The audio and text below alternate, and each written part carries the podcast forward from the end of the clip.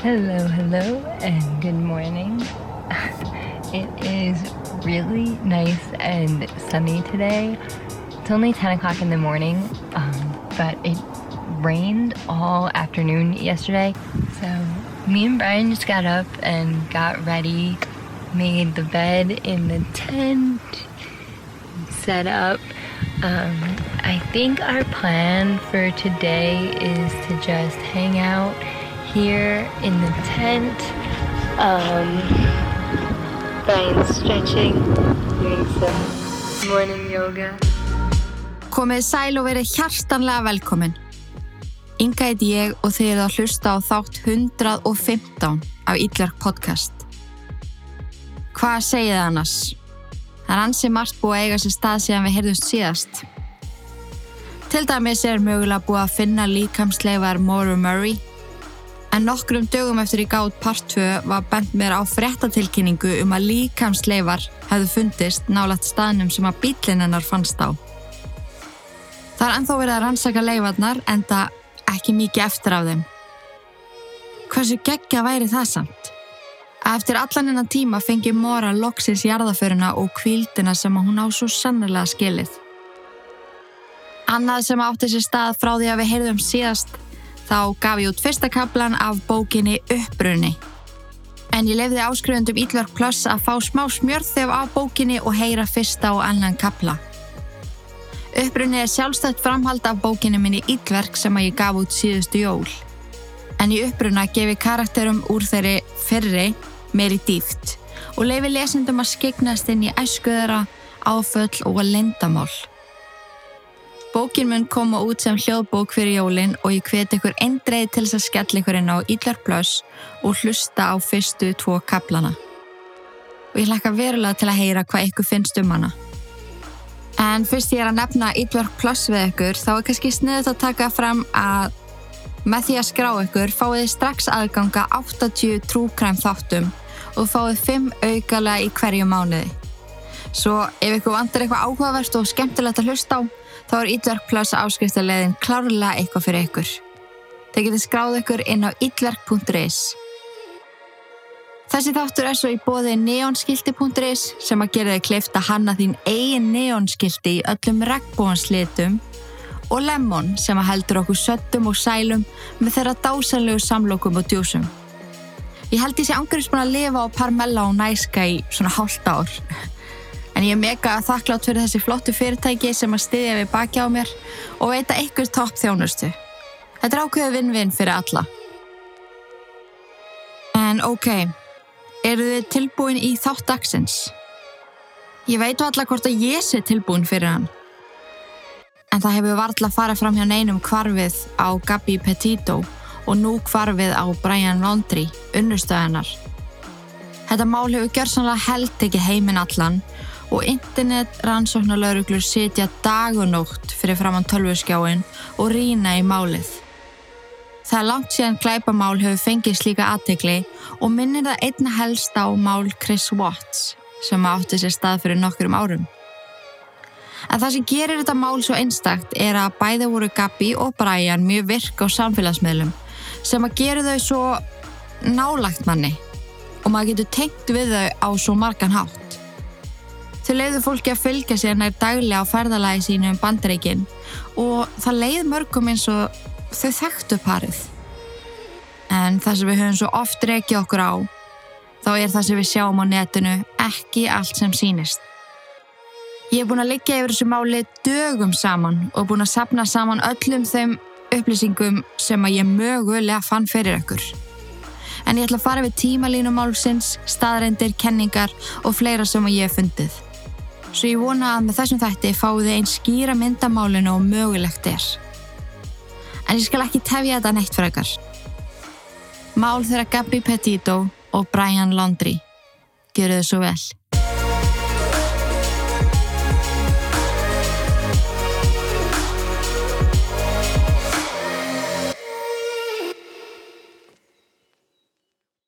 Eins og við gerum alltaf í ítverk þá skulum við byrja á byrjuninni því að við viljum kynnast manneskunni sem við erum að tala um. Gabrielle Venora Petito var fætt hann 19. mars árið 1999 sem að gera hana að fisk í stjórnumerki. Það er sagt um fólk í fiskamerkinu að það sé oftar en ekki með björnt, falleg og tjáningarík augu. Fatasíl þessi er personulegur og oft á tíðum mjög frumlegur. Þeir eru margi hverjir viðsinnir og næjusamir og láta vel af stjórn. Fiskar eru romantískir og þrá ekkit heitar en að eiga eina djúpa ást í lífinu. En næjusemi þeirra á þó til að láta þá synda með strömmnum og sætta sig um margt sem að þeim líkar ekki. Fiskurinn dreymir mörgum um ástaræfintýri sem á einni helst líki við ástasögur úr bókmyndum og bíomyndum. Drömkent og óraunsætt. En svo ég hendi inn staðrindum handreitagerðina mína. En ég skoða alltaf hvað aðilar sem að ég fjalla um eru í stjórnumerki. Ég gera það nú vanalega bara fyrir sjálf mig því að ég gaf hann á stjórnumerkjum. En ég ákvaða að hafa það með þessu sinni því ég veit að Gabi las stjórnusbár og trúði ofta það sem stóð í þeim. En Gabi Petito fættist í Blue Point í New York og var elst sex sískina. Fóreldrennar þau Nicole og Joe skildu þegar hún var mjög ung en þau eru bæði gift öðru fólki í dag. Nicole giftist James Smith og Joseph giftist Töru. Þessar tvær fjölskyldur voru alltaf í gríðalega góðu sambandi og elskuðu Gabi með öllu hjarta. Það kom í ljós ansist nefna að Gabi vildi fara sínar eigin leiðir í lífunu. Hún elskaði reyfingu, hún elskaði náttúruna og list. Elskaði að skrifa og tjási og segja frá. Auk þess að vera mikill matgæðingur og áhuga kona um næringafræði. Eftir grunnskula fór hún í Bayport Blue Point, mentaskólan í New York og með skóla starfa hún í afgræslinu á veitingastænum Smoke. Í því starfi eignaðist hún marga ótrúlega góða vini og talaði Gabi um það við fóreldra sína hversu mikið hún nöyt þess að vinna þarna. Ah, það er svo geggjur tilfinning að vinna á þannig stað. Líða alla mótna eins og sett bara frá að hanga við viniðinum allan daginn. Á fyrsta ári í Bayport Blue kynntist Gabi Strák sem var ári eldri en hún, Brian Laundrie. Þau konnuðust við hvort annað en á ákveðnu tímapunkti þá bygguðu bæði á Long Island. En það var fyrst í skólanu sem að þau töluðu saman og kynntust almennilega. Þau komist fljóttaði að þau deldu svipu um áhugamálum og lífsín. Bæði elskuðu þau útivist, jóka og list. En Brian var einmitt upprennandi myndlistamæður. Þau fóru að eigða tíma saman fyrir utan skóla. Spjallaði síman á kvöldin og, og í byrjun 2016 mátti sjá þau leiðast um ganga skólans. Vinir þeirra úr skólanu lýsaðum sem ansi krútlegu pari. Þau voru bæði vinamörg og skemmtilegi krakkar. Gabi var sérstaklega lýst sem brósmildri og hlýri personu sem að byrstu upp herbygginn þegar hún gekk inn. En eftir sumafrí 2016 virtu smálinn þó hafa breyst hjá parinu og þau hættu saman. En fljótlega eftir að önnin hófst aftur byrjuðu aftur saman.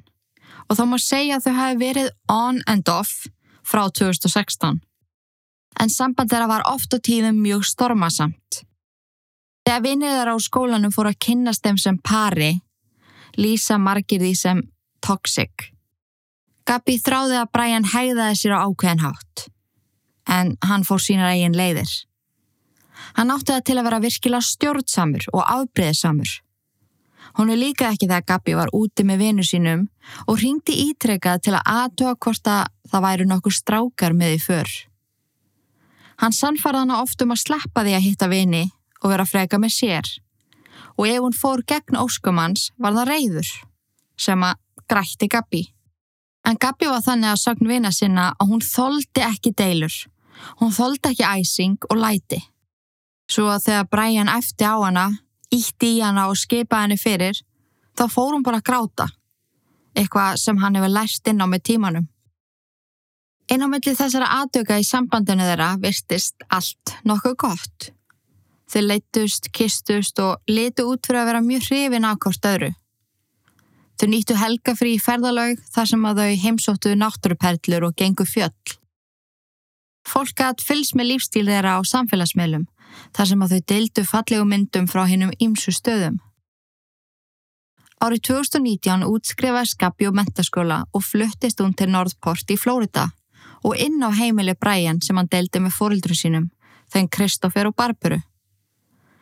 Gabi fær vinnu í apoteki skamt frá heimili fjölskyldunar og er á fullu í að ákveða hvaða skóla hún ætlar í. Hún og Brian nota hvert tækifæri til þess að skjótast í stutt ferðalög og letur sér dreyma af að þurfu ekki alltaf að drífa sér heim úr ferðunum til þess að mæta til vinnu. Í júli árið 2020 bað Brian Gabi um að giftast sér. Án þess að hika sá hún já og voru fjölskyldu þeirra að bekka heiminn lifandi. Fóreldra Brian sem höfðu þetta búið með Gabi í nokkra mánuði litu á hana sem dóttu sína. Londri hjónin voru líka í ágætti sambandi við fóreldra Gabi. Svo það er ekki að segja annað en að unga pari hafi fengið fullan stuðning frá öllum.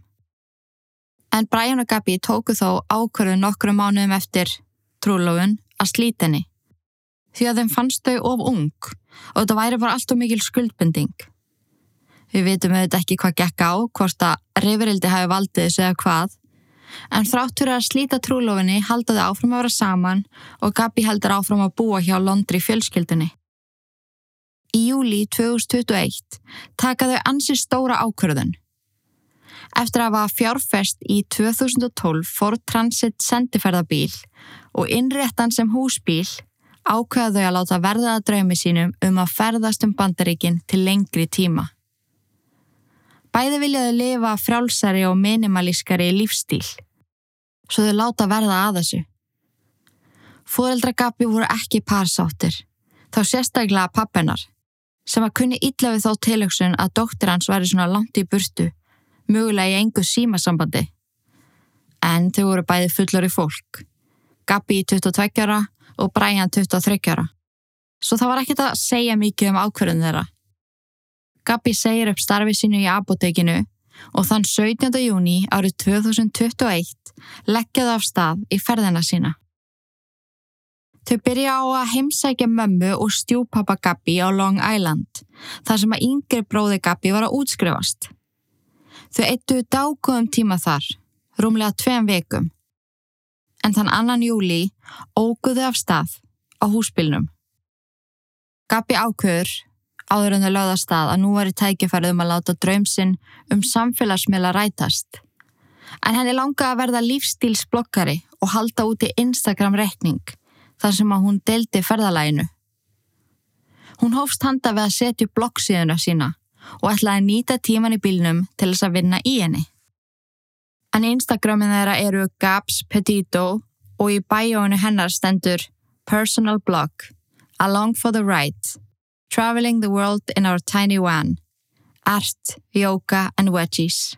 Hashtag one life.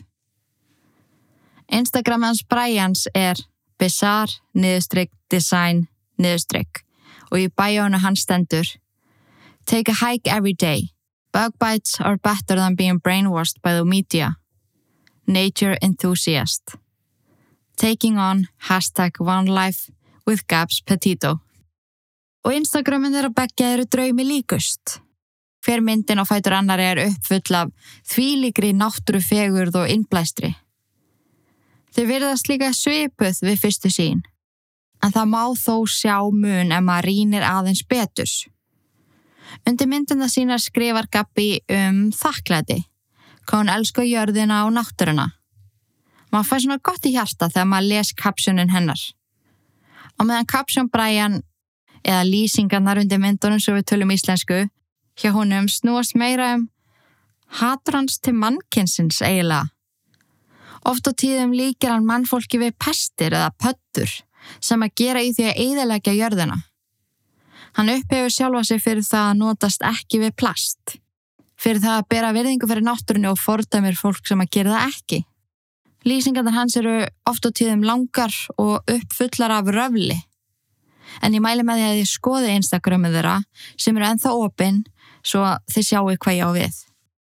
En þið veldi kannski fyrir ykkur af hverju ég er að taka þetta fram en akkurát þetta að mínum að þið á eftir að spila ansi stórn þátti að varpa ljósi á það sem kemur fyrir. En Gabi og Brian eigða 4. og 5. júli 2021 í Monument Rocks í Kansas Þann fjórða byrta þau bæði mynd á Instagram-reikningin sinn. Gabi byrstir þrjár myndir af sér á milli mikilfenglegra kletta og skrifar undir myndina. There's no place like the tiny home we built. Hashtag OneLife og merkir svo staðsendinguna inn á myndina. Brian byrstir eina mynd af sér ofan á húsbílnum og aðra af þeim Gabi fyrir framann húsbílinn. Undir myndina skrifar hann og ég ætla að þýða textan að því hann er svolítið langur. Að minga við okkur í lífinu til þess að það passi inn í þennan pínulilla húsbíl er besta ákverðun sem við höfum tekið. Við nýtum takmarkaða plásið eins vel og við getum og náum þannig að halda öllu minimalísku. Klárlega með innblæstri frá öðrum hashtag vanlivers á YouTube en við gerðum þetta samt algjörlega okkar. Við yttum litlu sem engu í að græja bílinn og við gætum ekki verið hamingjusamari með útkomuna. Hashtag OneTour er rétt að hefjast. Að fórna plásið til þess að vakna í náttúrinni alla daga er varðla fórun. Cross Country Road Trip with Gabs Petito. Þannig við sjáum munin á því hvernig þau tjá sig. Brian notar Instagram meira sem dagbók til þess að tjá tilfinninga sínar á meðan Gabi kemur yfirleitt með stuttar lýsingar. Þann 8. júli lenda þau svo í Colorado Springs en á milli þeirra staðar er rúmur 8 klukkutímar í Akstri. Í Colorado Springs byrti Gabi mynda sér hjá ótrúlega fallegum bláum vegg með stórum hvítum blómum sem eru máluða veggin. Undir myndina setur hún lítinn sníl og bróskall og merkir svo staðsyninguna inn á myndina. Brian byrtir enga mynda sér á Instagram á þessari staðsyningu. 10. júli lendaðu svo í Great Sand Dunes í Colorado en á milli þeirra staða eru þrýr og hálfur klukkutími. Gabi byrti tvær myndar af sér frá þeirri staðsyningu. Undir fyrstu myndina skrifar hún og ég ætla að þýða textana því hann er í lengri kantinum. Eftir fyrstu ferðin okkar um landið á pínu litla bílnum mínum leiði okkur eins og við hefðum mistað svo miklu. Og þannig er hún bæðið að tala um bílinn sem að hún átti áður og ferðina sem að þau fóru í á undan þessari en sá bíl var pínu lítill sútan. Að breyta þessum fortransit í húsbíl var svo mikið ævintýri útaf fyrir sig en ég gæti ekki elska meira hvernig allt kom út. Allir staðnir sem hann hefur komið okkur á hinga til hefur verið stórgóðslegt. Um leið og við lendum í Great Sand Dunes vildi ég ekki farað að hann. Það er svo marga leiði til þess að ganga. Um leið og tjáltsvæðin opna á sumrin fyllast þau strax, ásamt næturstæðunum fyrir húsbíla. Heppilega ringdi ég á hárreitun tíma, akkurat þegar ykkur hafði afbóka stæðið sitt. Ég náði að rætta okkur tveim nóttum með útsýni yfir The Dunes. Ég er svo þakklátt fyrir að hafa fengið þetta geggjaða stæði til þess að sofa á og tækifæri til þess að fara á brimbretti í sandinum á daginn. Næturheiminin hérna er styrlaður. Ég hef aldrei nokkur tíman séð svona margar stjörnur. Hashtag OneLife. Samdagus byrstur hún fleiri myndir af sér með sandbretti og skrifar undir þær. Bikini bottoms isn't the only place there's sandy cheeks. Swipe to see me fall on my butt. Hashtag OneLife. Og svo merkir hún staðsendinguna inn á myndina. Brian byrstir einni mynda sér og skrifar undir hana. First time out in the great sand dunes. I've never set foot in a terrain like this. Let alone surf hills of sand or tasted sand. I got to taste a lot of sand. 11. júli deili Gabi mynda sér ganga um the great sand dunes berfætt í solsetrinu. Undir myndina skrifar hún Last day in Colorado. Next up, Utah. Hashtag OneLife. Og merkir staðsyninguna undir myndina. En nú lág leið þeirra til Utah og þar ætluðu þau að eigða dáku um tíma. En frá Colorado til Utah er rúmlega 8 tíma akstur. Svo næstu daga deilduðu litlu sem enga á Instagram nema í Instastóri hér og þar þegar það var netsamband. Þann 14. júli lenduðu svo í Zion National Park en þar ætluðu þau að gista í Watchman Campground. Gabi byrsti mynda sér þann 16. og skrifar undir hana. On Mountain Time. Síðustu tvær nætur í útilegu í Zion hafi verið cool. bókstælega. Við klifum yfir daginn í 100 gráðum og það var svo gott að komast aftur niður í tjaldið okkar til að kæla okkur neður. Við horfum á heiminin fyllast af dökkum skýjum og á þrumur og eldingar í ljúfa friska loftinu í lettri regningunni. Hashtag OneLife og svo merkir hún myndina með staðsendingunni. Hún deilir svo annari mynda af tjaldinu þeirra þar sem á sjá glitta í púða, í kremum litum og hvítt prjónateppi. Undir myndina skrifar hún I took a small piece of home to the canyons. Hashtag vanlife. Þau færi sig frá Zion Park yfir í Cedar Breaks og enda svo í Bryce Canyon en allir þessi staðir eru saman á risasvæði sem heitir The Canyons. Í Bryce Canyon byrti Gabi nokkra myndir og eitt vídeo af henni steikja brauð á pönnu. Hún talar um hversu mikið það hafi ringt á þau. En rigningin sé svo ljúf eftir svona langar heita göngur. Hashtag vanlife og merkir svo alltaf staðsyninguna hverju sinni. Sion, Cedar og svo Bryce. Brian byrstir einnig nokkra myndir á Instagrami sitt.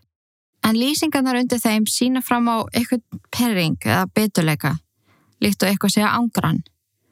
En undir mynda sér í Sion Park skrifar hann Zion is a proof that mankind can ruin everything, even in efforts to preserve it. Beautiful park, just with the unfortunate infestation of human beings. Undir mynda sér í Bryce Canyon skrifar hann I choose only to spend time in places I don't have to wear shoes. Hashtag barefoot lifestyle. Undir annara mynda ánum í Bryce Canyon skrifar hann Thank you Gabs Petito for putting up with me through Utah, a topographic playground. Sem að bendi til þess að mögulega hafið það átt erfitt frá Colorado til Utah. Sem að getur alveg skilið eftir allan annan tíma saman í bíl. Og svo hjálpaði ekki hversu mikið það ringdi á þau fyrstu daginn í Utah. Þann 27. júli lendaðu í Mystic Hot Springs Resort í Monroe, Utah. Þar byrstir Gabi mynda sér ofan í baðkari fullu á náttúrulega heitu vatni. Undir myndana skrifur hún I took a very relaxing nap there. Hashtag OneLife. Og merkir staðsynningun einn á myndina. Ég veit að ég er alltaf að segja það sama en ég er að sína ykkur minnstrið sem á svo eftir að breytast. Brian byrstir aftur á móti enga mynd af sér þarna og engar nýjar myndir á honum, nýja instastories byrtust næstu þrjár vikurnar. Þann 28. júli setaðu í loftið heimasíðina nomarekstarik.com en hún verðist ekki vera tilbúin og læst í þokkabót svo maður sér ekkert nema að forsíðuna. En það má ætla að þetta sé síðan og lífstílsbloggi sem að Gabi var búin að vinna að hörðum höndum heil lengi. 29. júli byrtaðu bæði af sér myndir í Kajunlands National Park. Gabi byrtir tvær myndir af sér og eina af landslæðinu. En lýsingin undir myndinni er mjög ólík fyrir lýsingum. Undir myndina er skrifað og ég ætla að þýða hennan texta því hann er svo langur og ótrúlega förðulegur. Bizarre Design, sem er Brian, gengur alltaf berfættur, hvert sem við förum. Ef hann mætti ráða, myndi hann ekki eiga neina skó. Mér finnst bara freka að fyndi hversu margir kommenta á það hans í berfættur. Um leið og við komumst á leiðarenda, í þessari frekar einföldu gungu, sparkaði ég að mig skónum líka. Um leið og ég gerði það, gekka mér áökjufull kona sem spurði mig hvort að hraunir var ekki heitt. Ég var ekki eins og pæla í því. Þótt að hraunið hefði krauma úr hita var ég bara svo hamingi sem að vera þarna að ég fann ekki eins og fyrir sólinni. Ótrúlegt en satt voru klettarnir og raunnið kallt. Ekki ískallt, en kallt.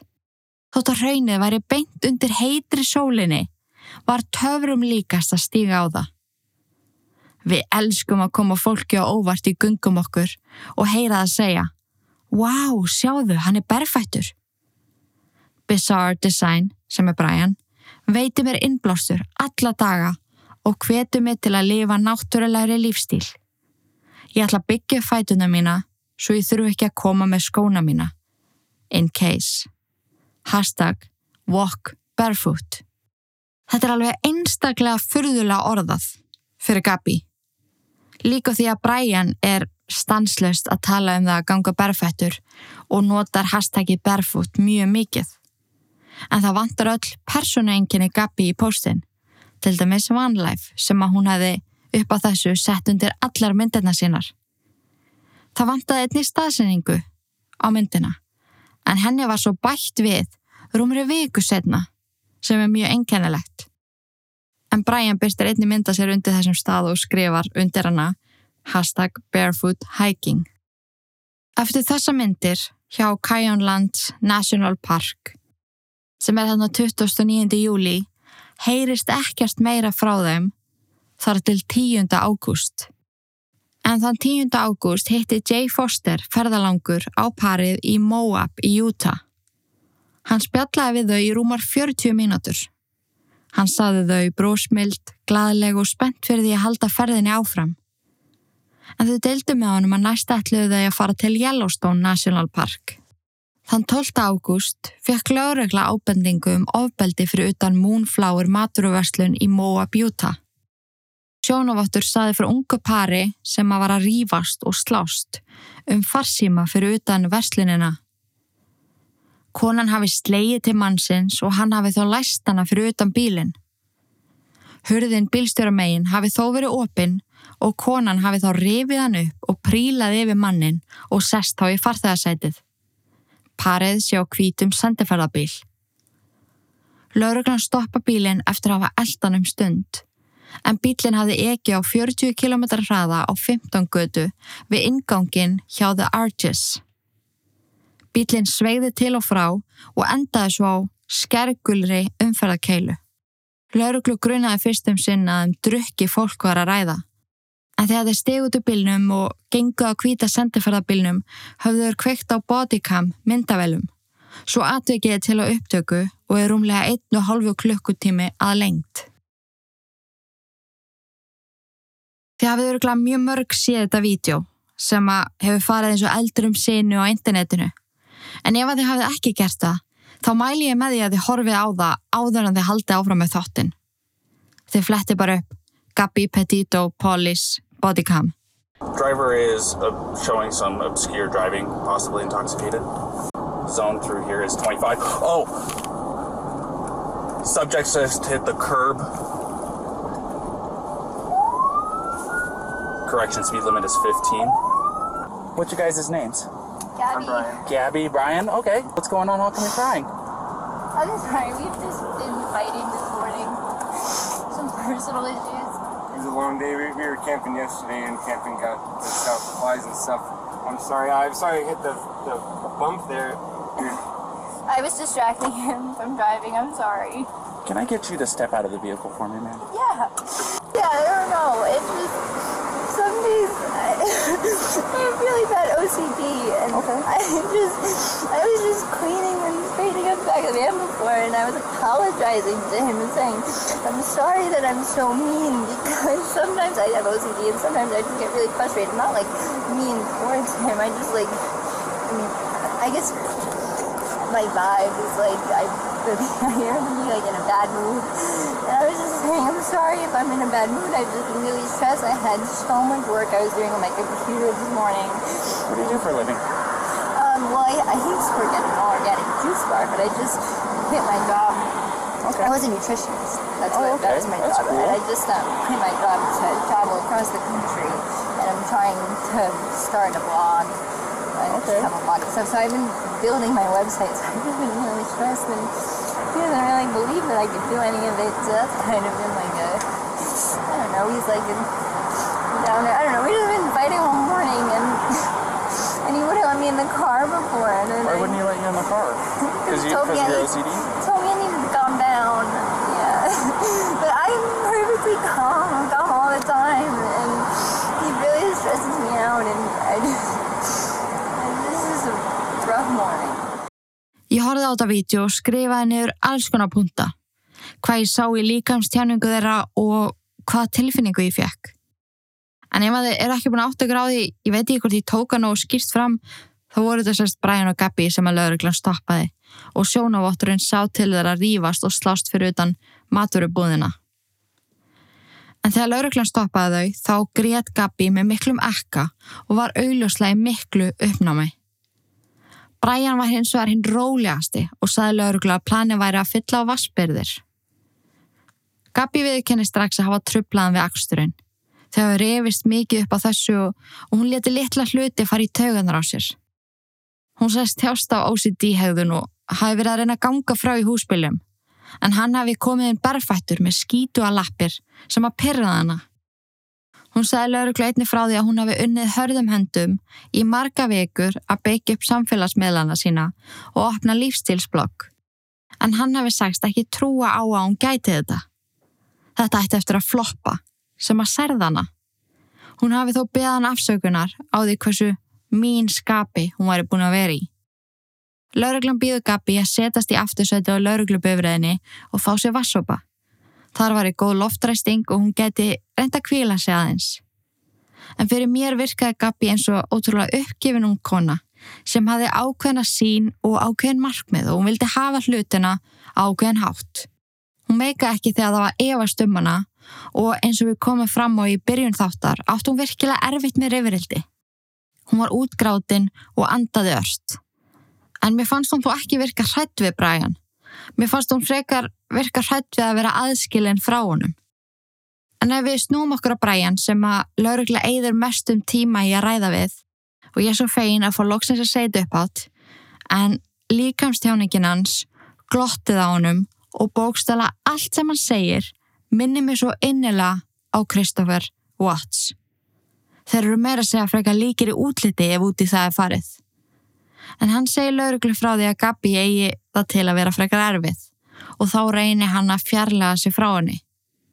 Þegar hann læst hana fyrir utan bílinn hafa hann viljað að hún myndi róa sig. Á andlitið hans var örlítið skráma og hann segir að hún hefur komið eftir að Gabi sló til hans. Hann talar um að hann gangi alltaf barfættur og það við pyrrað hana að hann kæmi með óhrina fætur inn í húsbylinn. Hann neyta svo að fá vatna að drekka þegar laurugla býður honum því að þeir gáttu bara bóðan upp á plastflöskur. En Brian sagði lauruglu að hann hataði plast og vildi alls ekki neyta vass úr slíkum flöskum. Hann brósir, flissar og grínast í lauruglumönnunum að meðan Gabi situr hágrátandi í aftursæti lauruglubilsins. Mér finnst svo magnað að hann skul ekki verja hana. Segja laurugla að það sé ekkert, bara smávægilegt reyfrildi og þau þurfu ekki að spá í þessu og hann sé einhvern veginn bara tilbúin að taka því þegar laurugla segir að hún sé gerandi og þeir neyðist samkvæmt lögum að aðskilja þau til morguns. En Gabi verður ein eftir í bílnum á meðan Brian fór á hótel sem að laurugla rettaði hann á. Hún var meðu sín þegar þau voru aðskilin en hann mjög rólegur og talar við lauruglumannin bara stanslöst alla leiðin á hótelunu en 12. ágúst kom fram í bókunarkerfi hótelsins að herbyggið hafi verið bókað af lauruglunni í Júta. En það er ekki vita hvort að herbyggið hafi verið notað alla nóttuna. Svo mögulega voru það ekki aðskilin eins og laurugla hafið skipað þeim. En svo við ræðum aðeins þetta nænu og nón símtall og aðilan sem að sá til þeirra. En laurugla fær þær upplýsingar að konan hafi slegið til mannsins. En þegar handreitið af símtallinu var skoða betur, koma aðrar upplýsingar í ljós og hérna er það orður rétt. Sjónavottur. We drove by a gentleman slapping this girl. 911 starfsmæður. Was he slapping her? Sjónavottur. Yes, and then we stopped. They ran up and down the sidewalk. He proceeded to hit her in the car. Then they drove off. 911 starfsmæður. You say that was a white one? Sjónavottur. A white van. I can give you the license plate. I took a picture. Svo upplýsingarna sem að lögregla fjakk voru ekki réttar og Brian hafði ekki fyrir því að leiðrætta söguna. Heldur tókan því að Gabi var í gerandin í þessu máli. Lögreglan Júta hefur verið fordæmt verulega fyrir þetta því að mögulega voru þeir síðasta one Gabi.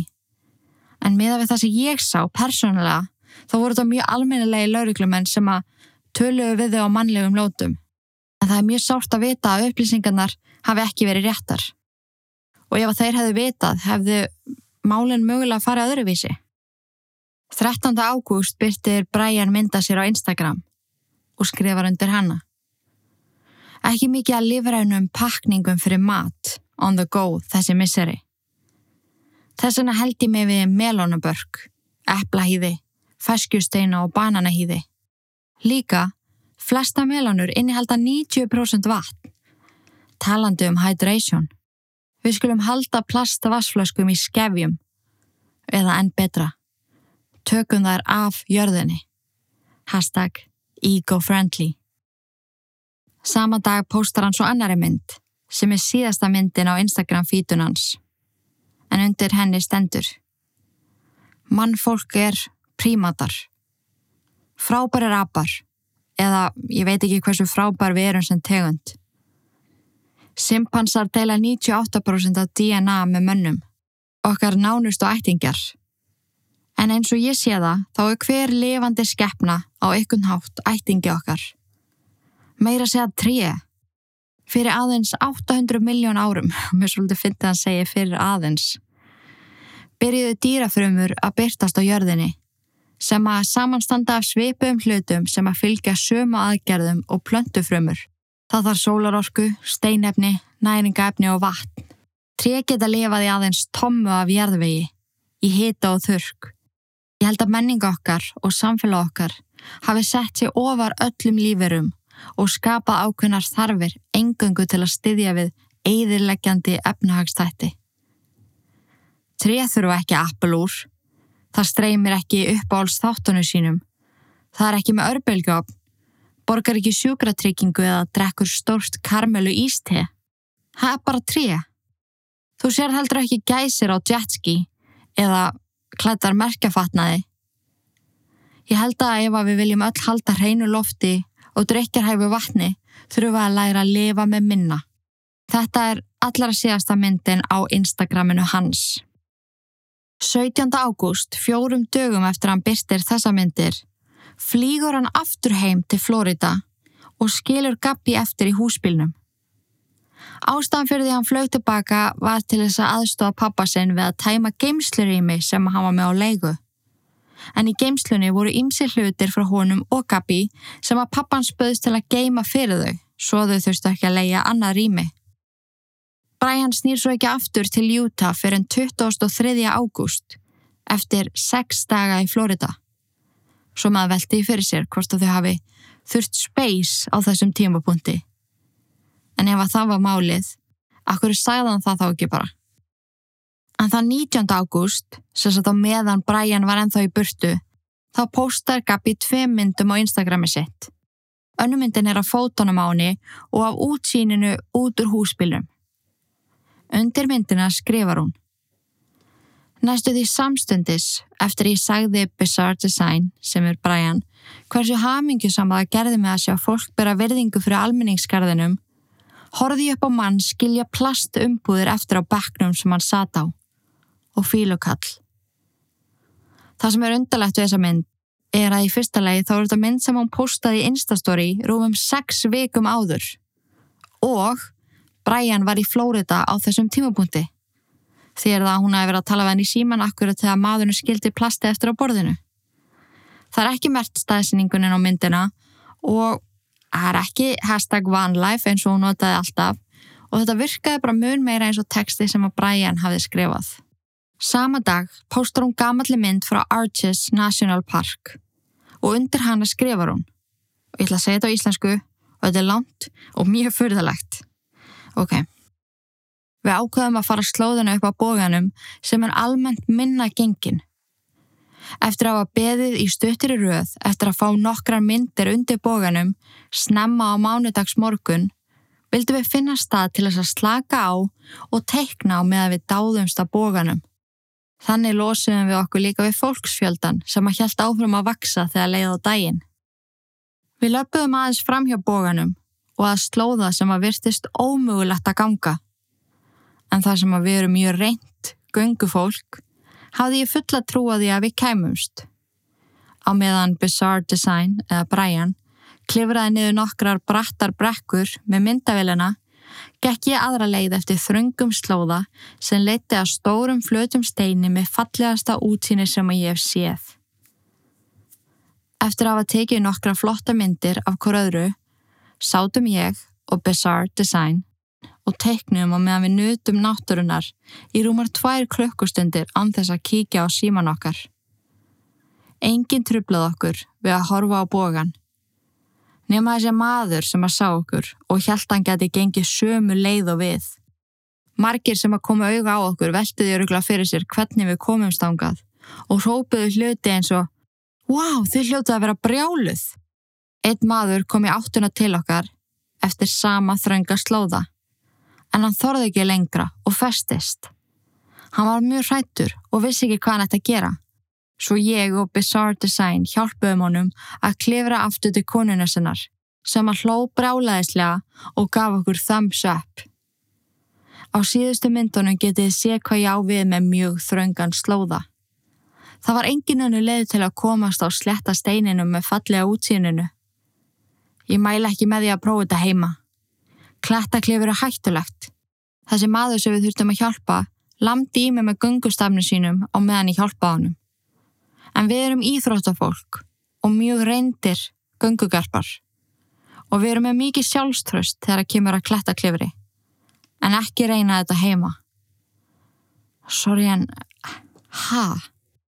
Þetta er stórfyrirlega texti og um að gera takka Bizarre Design þreysusinum í einu posti. Og vitandi það sem maður veit núna, þá getur maður ekki annan hugsa um að þessi postur öskri fjárvista sönnun og að Brian hafi að öllum líkindum skrifað þetta.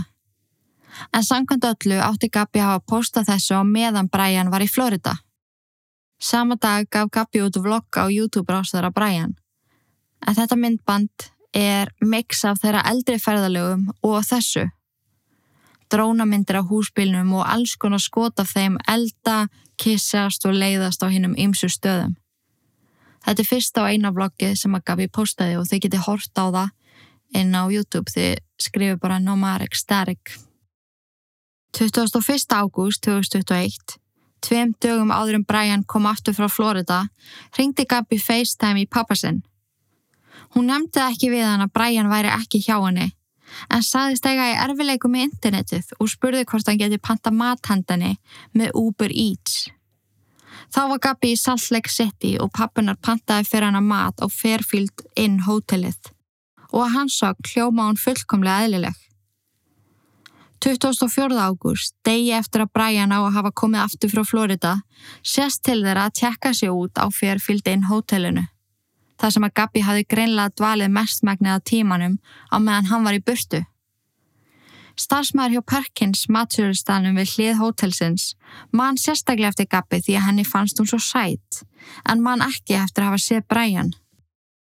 25. ágúst var í síðasta skiptið sem að móður Gabi heyrði í henni síma. Gabi segi mömmu sinni að þau sjó leiðinni til Grand Teton National Park og hún viti ekki hvernig sambandið hennar og Brian standi þessa stundina. Þannig að sama dag sér eigandi Rösti Gró sem er smáverslun í Idaho til þeirra. En þau komu inn í búðina til hans og eittu þar 20 mínútum. Þau sögðunum að þau kemur frá Florida og leiður að lægi til Grand Teton National Park og að þeim langaði svo að fara næst til Yellowstone. Þau virtist glöð, spennt, þau hlóðu flissuðu og þau sögðu manninum að þau væru ný trúlofuð. En eins og við töluðum um áðan, þá slituðu trúlofuninni fyrir ferðina. Það hefur líklega smart átt sér stað á millið þeirra þennan dag. En þau ákveða greinlega að trúlega á sig aftur ef að þetta er rétt hjá manninum. En meðan við það sem hún saði mömmu sinni í síman, þá var hún ekki lengur viss með þetta samband. Þannig að það hefur eitthvað gæst, hann í millitíðinni. Þeir líka þann 25. ágúst fyrir akkurat mánuði síðan, postar Gabi síðustu myndinni sinna á Instagram. Á henni stendur hún fyrir fram á vegg með stóru máluðum fyririldum. Hún er vel til höfð og heldur á litlu heklu og graskeri. Undir myndinni stendur Happy Halloween. Graskis emoji og flugu emoji. Myndin meikar ekki sens. Tekstin undir myndinni meikar ekki sens. En margi telja að þegar þessi mynd var byrst hafi Gabi nú þegar verið látin. Hún hafði alla ferðina verið í miklu sambandi við fjölskyldu sína. Hún var dögulega að ringja FaceTime og senda SMS. Fóreldra hana vissu þó að stundum gátu liði nokkri dagar til vika á milli símtala. Þar sem að þau voru ofta á löngu ferðalagi og símasamband lélegt. En 27. ágúst fær mamma Gabi SMS frá henni og í því stóð No service in Yosemite. Mammina fannst þetta mjög skrítið. Í fyrsta lagi því að Yosemite var alls ekki á þeirra leið og heldur ekki á ferðaplaninu þeirra. Og í öðru lagi var SMS-ið í heilt mjög ólíkt SMS-um sem hún fekk vanalega frá Gabi sem voru uppfull af hjörtum og brósköllum. Og ég verða að fá að koma því inn af því að ég veldi þessu svo ótrúlega mikið fyrir mér. Af hverju Yosemite? Sem er frekar random staður. En þeir sem að horfa á bodycam myndbandi þegar laurugla stoppaði þau, þá töluðu Brian og laurugluþjóðnin sem að skuttla honum á hótelið heil lengi um Yosemite. En laurugluþjóðnin sá honum að þau yrðu ykkur tíman að heimsækja þann garð. Mamma Gabi fekk svo annað mjög undirlegt SMS frá henni og í því stóð Can you help Stan? I just keep getting his voicemail and missed calls. En afi hennar, Gabi, heiti Stan, en hún kallaði hann alltaf Grandpa. Þegar hann var spurður, hafði Gabi ekki reynd að ringja í hann og hann ekki í hanna. Svo að grunnsendir móðunar jökust. Þann 31. ágúst 2021 sást virkni á Spotify aðgangi Gabi. En það var búið að búa til nýjan playlista og hann skýrður Self-Consumption. 1. september sást afturvirkni en þann dag var bætt nokkrum lögum á gamlan playlista sem heiti Mountain Tops. Brian og Gabi nótuðu þennan aðgang saman og þeir sem að þekktu þau gáttu líka svona aðskilið þeirra tónlist, þú veist hvað hún setti að inn og hvað hann setti að inn og þau gáttu séða strax að þetta var ekki tónlist sem að Gabi myndi hlusta á sem hann verið að setja að inn en það með mjög ólíkan tónlistasmekk.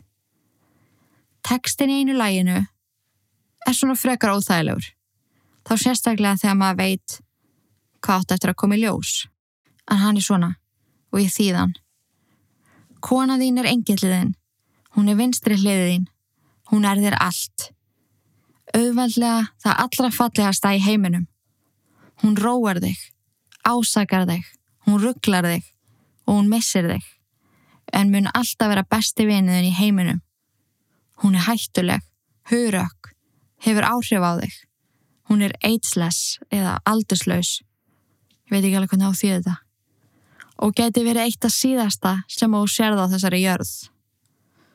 Það er svolítið skuggalegt. Og svo er annar lag sem að vakti líka aðtegli fólks. En bæði lögin eru eftir tónlistamannin Matt Berry og eru af plötunni Witch Hazel. Að mér finnst þetta mjög spooky texti.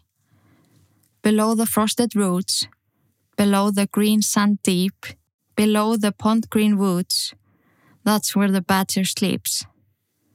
Deep as the solitary stone, in grey and crimson greens, in slumber of blood and bone, the badgers lie still as he dreams. I hear one last slow breath underneath the beech tree home. The smell of badger's death, and the ground leaves a mighty hole, and so the evening dies. Og það var hlusta á þessi lög á repeat á Spotify aðganginum aftur og aftur og aftur en það er talið að Brian hafi hlusta á þessi lög á leiðinni heim til Florida því þann 1. september ógan inn innkessluna á heimili fóröldra sinna á kvíta húsbylnum og Gabi var ekki með honum. Hann lætur engan vita að hann sé komin tilbaka. Svo fjölskelda Gabi hefur ekki hugmyndum að hann sé komin heim ánennar. Vinkona Gabi sem ætlaði að hitta þau Yellowstone á amalistægin sinn var líka orðin mjög áhyggjufull. En þau hefðu mælt sér mót við hana 29. ágúst en hún heyrði aldrei neitt meira frá þeim. Þessi tiltakna vinkona segir líka svolítið óhugnalegt þegar hún er spurð setna mér.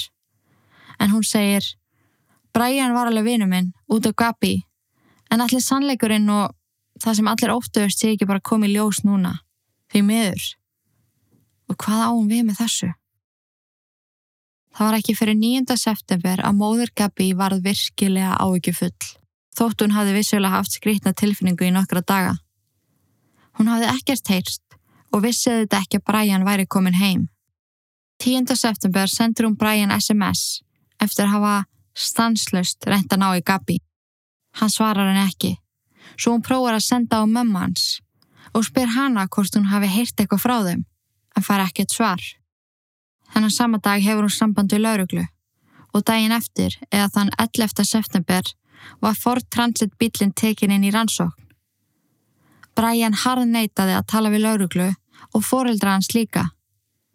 Það eina sem að laurugla fjekk frá Londri fjölskyldinni var símanúmer hjá lögfræðing þeirra. Þannig að þau höfðu greinlega fengið sér lögfræðing áður en þau vissu að móði Gabi hefði gert lauruglu viðvart. Laurugla fór all in í að reyna að finna út hvar ætti að byrja að leita. Þetta var ekki dæðilega mikið svæði og það tók Brian 34 klukkutíma að kera heim sem maður getur rétt ímynda sér.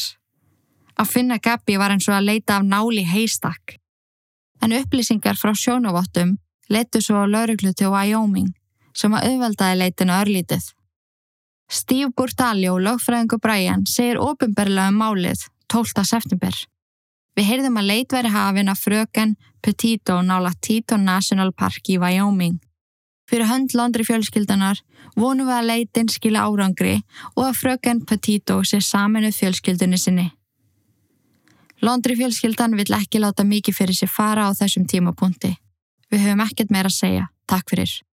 Spáið í hvað þetta er ótrúlega kallt. Stelpa sem að Brian sagðist elska, sem að fjölskyldan leita á sin dóttur. Þetta er alveg svakalega fokking kallt.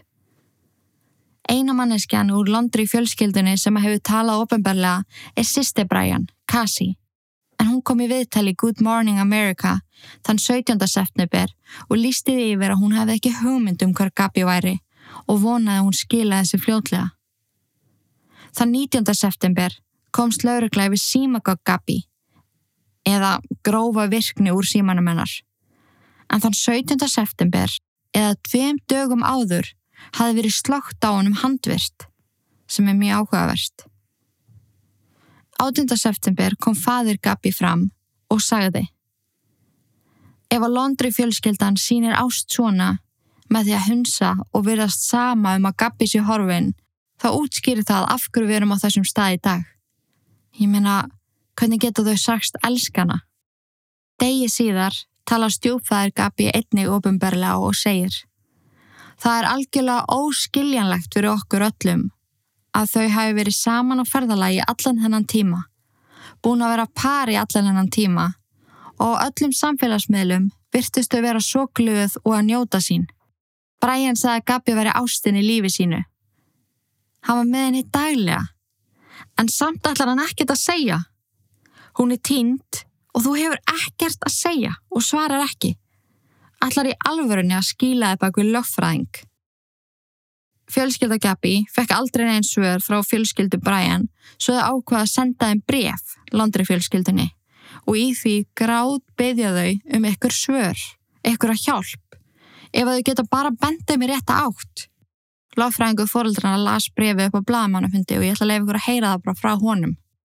Christopher and Rebecca Laundry, we are writing this letter to ask you to help find our daughter.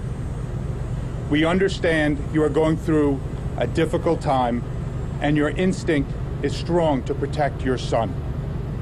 We ask you to put yourselves in our shoes. We haven't been able to sleep or eat, and our lives are falling apart. We believe you know the location of where Brian left Gabby. We beg you to tell us. As a parent, how could you let us go through this pain and not help us? As a parent, how could you put Gabby's younger brothers and sisters through this? Gabby lived with you for over a year. She's going to be your daughter in law. How can you keep her location hidden?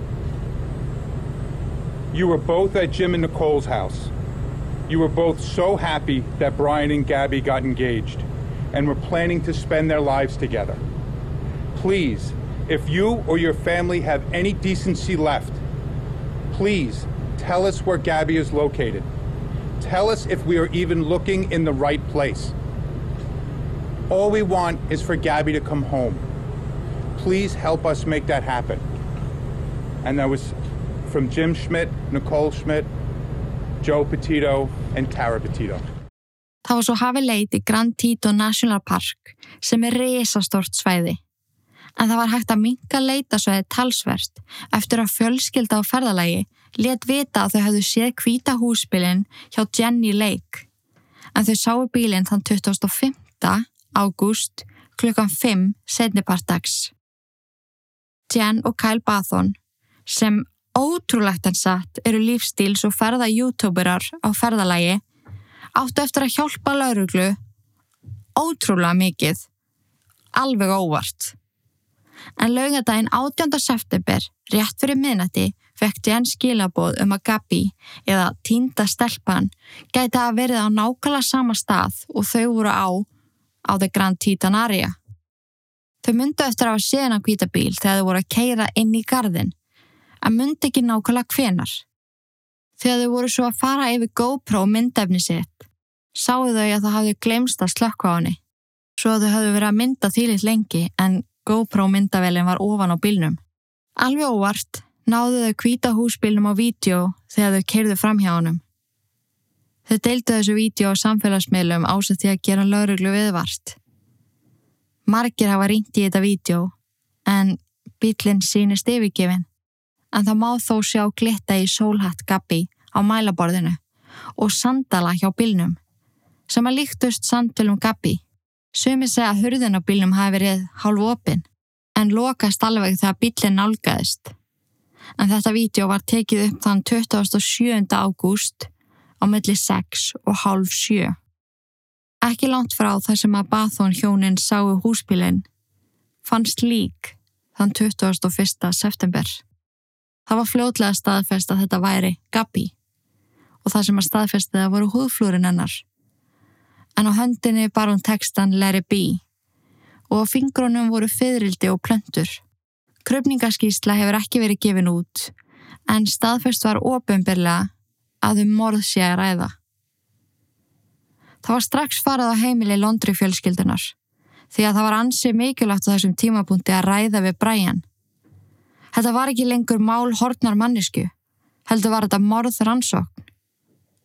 En þá var Brian horfin.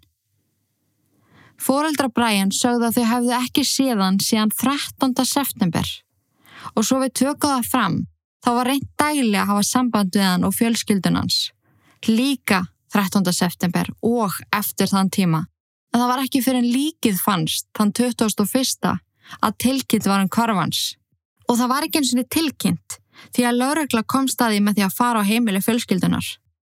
Fóreldra hann sögðu laurugla að þegar hann yfirgaf heimilið hafa hann verið klættur fjallgönguskóm og með bakboka. Hann ætlaði sér í fjallgöngu í Carlton Reserve sem er gríðarlega stort svæði. Fóreldra hann sögðu einnig að þegar þau hafðu ekkert heyrst frá honum hafið þau ákveða að fara á leitans. Þau hafið þá fundið bílinn hans á bílastæðin hjá Carlton Gardenum sem var silfraður Ford Mustang. Á rúðunni var miði frá lauruglu um að þá þurfa að fjarlaga bílinn sem að hafi þá greinilega staðið þarna í meira en 12 klukkutíma. Þau ákveðu samt að skilja bílinn eftir því að ef hann skiljaði sér vildu þau að hann geti kert heim. Bílinn var dreyin í burtu og stór leit fór fram á svæðinu. Flója var yfir með drónum og þyrlum. Auk þess að leitarhundar og leitaflokkar kemdu svæðið. 22. september var heimileg Londri fjölskylduna rannsakað. Kassar, tölfur, fött og fleira var tekið en fóreldra Brian fengu þó að vera áfram í húsinu. En í dag, laugadaginn 25. september, er Brian ekki enþá fundin. En margir telja sig þó hafa séðan. Miranda Baker sagði frá því á TikTok aðgangi sínum að þann 29. ágúst hafði hún og kærasti hennar gefið Brian far. En hann hafi sagt parinu að hann var á ferðalagi með unnustu sinni. En hann var í núna einn á ferðalagi og meðan hún inni í samfélagsmiðlunum sínum og í ferðablokkinu sínu, í húsbílum þeirra. Það verðist hafa orðið eitthvað miskilingur, en Brian á að hafa bóðið um 200 dollara fyrir farið. Mér öndu fannst það mjög skrítið, þar sem að þau voru bara skuttlanum örstutan spöl, sem að tóka ekki meira en 10 mínútur. En þau voru leðinni til Jackson Hole þegar Miranda saði hann um að það var nú óþara á borgonum, og endur tók hvert þau var að fara. Þá var hann allt í raunum stressaður, leiti í kringu sig og baði um að stoppa bílinn. Hann þakkaði fyrir sig og saðist alltaf að reyna að finna sér annað far. Miranda segir hann hefði verið kursteis, brósmildur og snirtilegur. Hann leit alls ekki út eins og maður sem hefði verið á ferðalagi svo vikum skipti. Flugfræja í Kanada telur sig hafa séðan þar og fólk viðsvegar um Bandaríkin og í Mexiko telur sig hafa séðan. En hann er ekki ennþá fundin. Síðan hann kvarf, eða er ekki réttar að segja síðan hann flúði, hefur verið virkni á Spotify-reikningnum sem hann deldi með Gabi og hann hefur verið online á Instagram. Hann fór líka óvart live á Instagram í 2-3 sekundur og þá virtist hann vera á bát og í bátnum sést í uh, svona krokkskó í fyluleitum og stóran vassbrúsa. Margir halda að þetta hafi verið í alvörinu óvart hjá honum en það eru líka margir sem halda að Brian viti nákvæmlega hvað hann er að gera. Hann hafi jáfnveil gaman af þessum eldingaleik og fylgist vel með gangi mála. En þetta eru allar þær upplýsingar sem að ég fann um þetta skelvilega og stórfurðulega mál sem er kjörsalega búið að heldtaka alla sem ég skil svo vel. En svo eru það kenningarnar. Sumar þeirra eru fráleitar en margar þeirra eru virkilega áhugaverðar. Til dæmis það að það fundust tvær konur myrstar á stað sem að Brian og Gabi voru á og þá meina ég á sama stað og á sama tíma. Getur verið að það tengist. Getur verið að Brian hafi myrstar og ákveða myrða Gabi því hann ótaðist að hún segði til hans. Getur verið að Brian sé raðmörðingi. Svo er það líka vakið aðtegli fólks hvers konar bækur hann les. En hann var einstaklega hillaðar af bókinni Lullaby sem fjallar um par sem ferðast um bandreikin á húsbíl. Maðurinn drepur kærustuna sína og svo sjálfa sig. Getur verið að þessi bók sé eitthvað sem hann er að lifa eftir. En ég ætla að taka frekar umfjöllun um þessa bók og þessa kenningu á Instagram að þeim langar að setja þetta upp svolítið myndrænt, þannig að endilega fylgist með þar. Og ef við ræðum líka þessi tvö SMS sem að voru sendt úr síma Gabi til móður hennar. No service in Yosemite. Mér finnst það ansið líklegt að Brian hafi sendt þetta skilabóð til að villa um. Og með afa hennar, Stan. Can you help Stan? Margir hafa rínt í þetta og er Stan orði orðabók yfir klikkaðan aðdáðanda. En eins og við þekkjum úr lögum M&M þá drap upprannlegi Stan konuna sína og börni sín og síðan sjálfa sig því að M&M svaraði honum ekki. Stan er líka annað orði yfir call the authorities. Getur verið að Gabi hafi reynd að senda mömmu sinni dölinn skilabóð því hún vissi að Brian skoðaði síman hennar. Ég er ekki viss en ég er samt viss um að þessi SMS segja meira en okkur grunar. En í öllum þessum hafsjó af kenningum þá finnst mér líklegast að þann 25. september hafið þau ákveða að trúlofa sig aftur. Þau hafi farið allsælinn í búðina Röstegró og sagt um eitt manninu sem átti búðina að þau varu trúlofið og síðan hafi eitthvað komið upp á. Gabi hafi mögulega slitið trúlofuninni og eftir það tala við mömmu sín og sagt henn hún veit ekki hvar samband er að stæði. Brian hafi myrst hana og allt sem hann gerði frá 25. ágúst og ég er að fatta að ég sagði örgulega 25. september en ofan, sorry, ég er að meina 25. ágúst. En allt sem hann gerði eftir þennan dag, 25. ágúst, sé bara til þess að fela spóren sín. Hann hafi verið að búið til fjárvistasennanir og reyni að halda lífi í Gabi og aðgöngunum hennar til að vitla um fyrir lauruglu. En eins og ég sagði líka á þann þá finnst mér Brian minna mig alveg verulega á Chris Watts og ég held að ef hann drap hana hafa hann gert það í mjög miklu bræði kasti. Hann hafi kyrst hana og klauvalega reynd að losa sig við hana. Mér finnst líka mjög líklegt að hann hafi verið með síman hennar og séuruglega ennþá með hann. Og af hverju kom hann heim til fóröldra sinna? Mér finnst það svo skrítið. En það er mögulega því að hann vissi ekki hvað hann átt að gera næst og ég gjör svolítið þóli ekki að veit ekki svara við því. Ég þóli ekki hans ég ennþá flott og það sé ekki búið að finna hann. En ég er líka vissum að fóreldra hans vita meira en þau láta í ljós og þau hafi mögulega hjálpa honum að koma stundan. Og mér þykir mjög ólíklegt að Brian sé dáin. Og eins og ég segja, hann er svo lík típa á Chris Watts. Og Chris hefði aldrei kálað sér og ég held að Brian muni ekki gera það heldur. En hvað veit maður svo sem? Ég geti haldið endalust áfram en það kom upp nýja frettir og nýjar getgátur nær hverja mínútur sólarings. Svo maður er alltaf að sjá eitthvað nýtt. Eftir þáttinn ætla ég að deila með ykkur á Instagram eins og ég sagði hann alls konar langdregnari getgátum sem við getum velt fyrir okkur. Svo endilega fylgi Ílvar podcast á Instagram til að fylgjast með ég ætla að setja þetta bara í story. En sama hvað við gerum og sama hvað þarf að finna Brian og hann þarf að fokkin segja sannleikan, afsækja orðbræði. Kvíldu í friði, elsku Gabi og við kveikjum á kerti fyrir hann og skum þess að hún fái réttlæti sem að hún á svo sannlega skilið.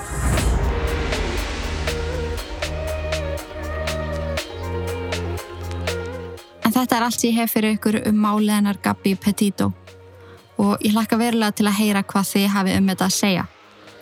Takk ykkur kærlega fyrir að hlusta, takk fyrir að vera til og í guðanabænum forðist öll ílverk nema þetta podcast. Verið sæl.